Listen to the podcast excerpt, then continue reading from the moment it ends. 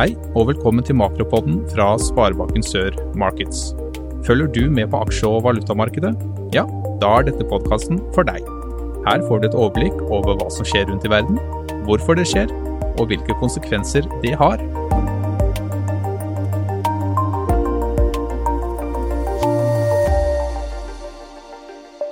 Da sier vi vel møtt til en ny makropod fra eh, Sparebanken Sør Markets.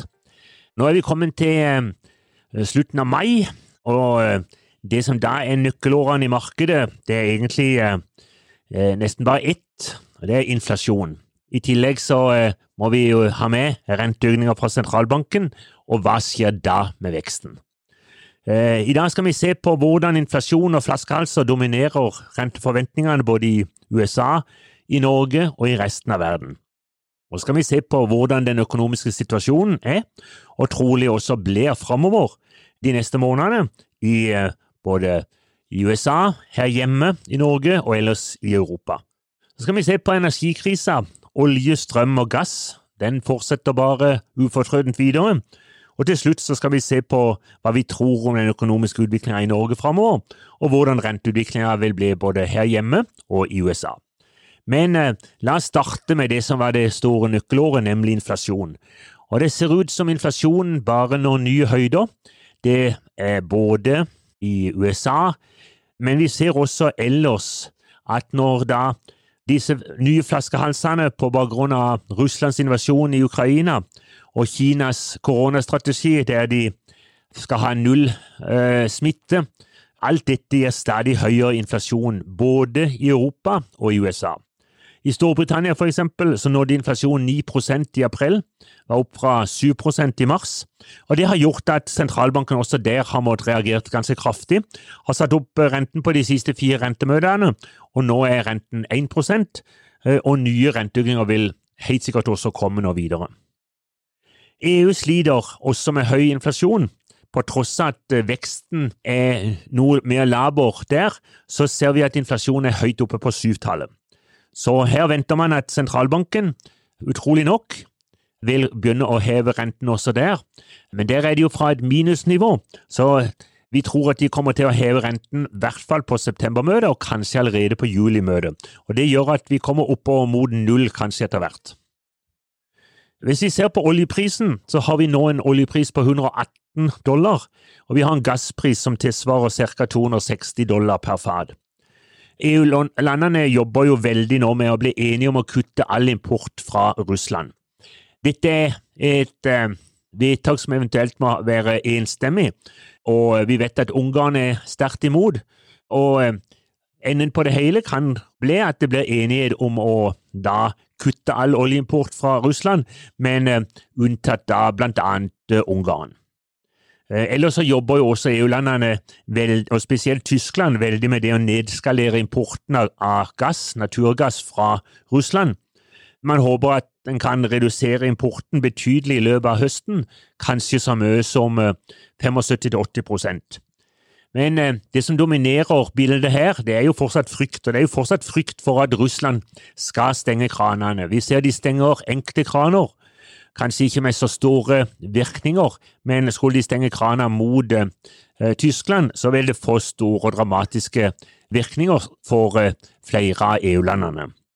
Men jeg tror nok det er relativt lite reelt. Hvis de skulle stenge kranene, så vil de jo også stenge muligheten til å få masse inntekter som de får i dag, nettopp fra naturgassen.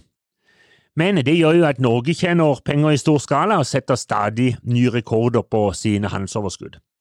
Og så er det mye billig Russland-olje som i dag går til India og, og Tyrkia, faktisk Tyrkia på tross av at de er Nato-land, og som da tjener masse penger på denne olja. Men eh, er, hvis vi ser på virkningene av krigen, eh, så ser vi jo at det er ganske kraftig fall verden rundt i aksjemarkedene. Det er stort sett ett unntak, og det er Norge. Der er vi fortsatt eh, noen prosent opp, mens både i USA og europeiske børser er ned en sånn mellom 15 og 20 prosent hittil i år. Nasdaq, teknologibørsen i eh, USA, den er ned nesten 30 prosent. Og Det som markedet der frykter, det er jo det at når inflasjonen blir så høy, så må sentralbankene inn og gjøre mye på rentesida, og så kan da veksten bikke over og føre til resesjon, altså negativ vekst. For vi ser at det er høye priser på olje, gass, stål og eh, aluminium. Og vi ser også at inflasjonen nå virkelig begynner å ta tak også på matvareprisene, som stiger og ganske kraftig mange plasser. Og så meldes det jo om forsinkelser på mange ulike varetyper, ikke minst fra alle de varene som skal sendes fra Kina. Så eh, med eh, ca. 30 byer som er mer eller mindre totalstengte, og med Shanghai som har vært delvis nedstengt i lange perioder, så ser vi at det blir store forsinkelser, og det er også den nullsmittestrategien i Kina som kan føre til at verdensøkonomien som sådan kan komme til å få oppleve negativ vekst etter hvert. Eh, så eh, man jobber febrilsk nå i Kina. Et kjempemøte nå i helga. Eh, det var 100 000 på forskjellige nivåer i, i administrasjonen rundt forbi hele Kina som var samla. Det var vel et ganske stort Teams-møte, vil jeg tro og hvordan man da skulle klare å, å få opp veksten og klare å beholde eh, en såpass god vekst at man kunne klare å nå de tallene som man har satt. Så eh, Kina er en kjempeutfordring i øyeblikket, og et veldig veldig stort spørsmålstegn hvordan faktisk koronasmitten der vil påvirke hele den økonomiske utviklinga.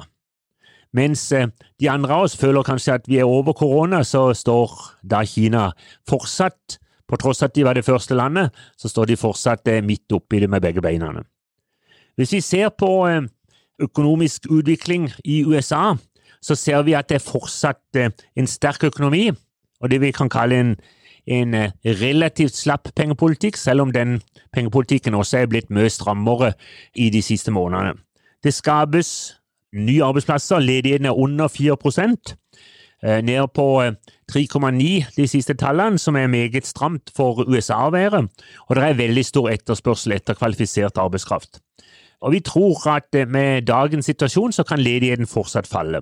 Men så ser vi at lønnsveksten er tiltagende, og vi ser også at det er risiko for betydelig høyere lønnsvekst.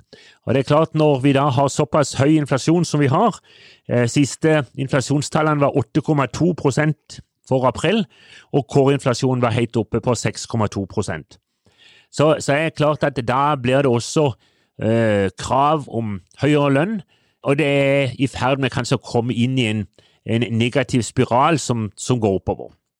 Eh, og Det har jo også ført til at renteforventningene er dramatisk endra de siste tre, fire, fem månedene. Fra å være litt lunken fra sentralbanken og håpe at det hele skulle gå over, til nå virkelig å være foroverbøyd, der man må sette opp renten ganske betydelig. Vi tror jo at inflasjonen vil komme til å toppe ut nå de neste månedene, men fortsatt på et veldig høyt nivå eh, på grunn av de ganske kraftige impulsene fra eh, både matvarepriser og energipriser. Vi er nå på 1% fra sentralbanken i USA, og så tror vi at det kommer en halv prosent renteøkning i juni. Og så kan det komme til å komme også det både august, september, oktober-møtet. Eventuelt. Eh, og hvis det kommer en halv prosent på de, sånn, så ser vi så er vi allerede oppe på, på eh, ca. 3% i sentralbankrente. Men så er det jo spørsmål om, eh, om krigen og de stigende både mat- og energiprisene, sammen med den kraftige luten fra eh, amerikansk sentralbank Fed, om det kan eh, føre til at veksten dabber av og brekker over litt.